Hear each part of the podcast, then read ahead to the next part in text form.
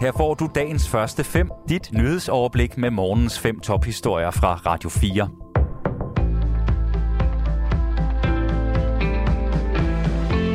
Det er tirsdag den 1. november, og mit navn er Asbjørn Møller.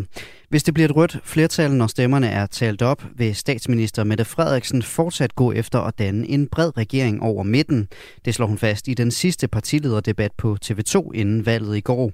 Sofie Levering har mere. Jeg ved ikke, hvordan mandaterne falder ud, men uanset hvordan de gør, så vil det være mit forslag, at vi skal afsøge at lave en bred regering. Det står jeg ved, lyder det fra Mette Frederiksen. På spørgsmålet, om hun også med et rødt flertal vil danne en bred regering, svarer hun ja. Men den tror Moderaternes leder Lars Løkke Rasmussen dog ikke på. Han mener, at Mette Frederiksen gik væk fra sin plan A, det røde flertal, før valget på grund af målingerne. Jeg er slet ikke i tvivl om, at hvis der er et rødt flertal i morgen, så rykker Mette Frederiksen tilbage til sin plan A, siger Lars Løkke. Mette Frederiksen lancerede sit ønske om en bred regering på dagen for valgudskrivelsen. Hun pointerer i debatten, at valgkampen kun har bestyrket hende i sit ønske. Det modsatte gælder dog for de to andre statsministerkandidater, Jakob Ellemann Jensen fra Venstre og konservatives Søren Pape Poulsen. De ønsker begge en borgerlig regering. Ifølge de seneste meningsmålinger er det fortsat Lars Løkke Rasmussen og Moderaterne, der står med de afgørende mandater. Hverken rød eller blå blok ser ud til at kunne tælle til 90 mandater uden Moderaterne, der også ønsker en regering over midten. Færøerne giver et mandat til hver blok. Det står klart efter, at alle stemmerne er talt op på Færøerne. Begge færøske partier bevarer deres mandater i det danske folketing efter valget, hvilket betyder et mandat til hver blok i Folketinget. De to partier er henholdsvis søsterparti til Venstre og Socialdemokratiet. Færingerne gik allerede i går til valgurnerne for at vælge de to færøske repræsentanter, fordi 1. november er sørgedag for dem, hvor man mindes dem, som er døde til søs.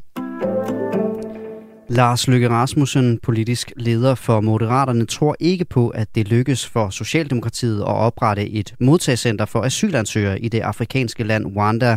Men sker det, så vil den negative omtale fra verden være stor, det sagde Lars Løkke Rasmussen under den sidste partilederdebat på TV2 før folketingsvalget.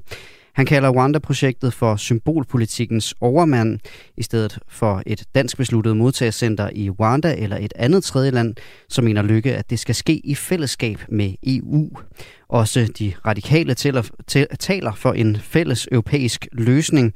Sofie Carsten Nielsen, der er formand i partiet, slår igen fast, at de radikale ikke kan støtte en regering, der fortsætter arbejdet med et asylcenter i Rwanda.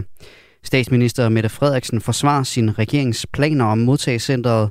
Hun pointerer, at der skal være styr på både menneskerettigheder og internationale konventioner, før en endegyldig aftale kan indgås med Rwanda, lyder det. Mens dagen i dag bliver kaldt demokratiets festdag, så er der nogen, der ikke er inviteret med til festen. Borgere i udlandet har nemlig ikke lov til at stemme ved dagens folketingsvalg. Der findes ca. 250.000 udlandsdanskere i alt, anslår organisationen Danes Worldwide, der arbejder for at forbedre vilkårene for netop den gruppe.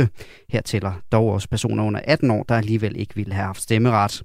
Generalsekretær i Danes Worldwide, Michael Bak Petersen, finder det kritisabelt, at Danmark har nogle af de strammeste regler på området i hele EU. Vi mener helt grundlæggende og helt principielt, at øh, hvis man er dansk statsborger, så skal man uanset hvor man bor have mulighed for at stemme til folketingsvalg i Danmark. Og i Danes Worldwide, der mener de altså ikke, at man skal sætte øh, at man, at man skal sættes uden for indflydelse, selvom det drejer sig om et land, hvor man altså ikke bor. Danske statsborgere i udlandet påvirkes jo ligesom øh, danske statsborgere i Danmark jo af den danske lovgivning, og det har for eksempel betydning for, hvordan man eventuelt kan vende hjem til Danmark med sin familie. Det kan være skatteforhold, det kan være statsborgerskabsforhold, øh, pension med videre.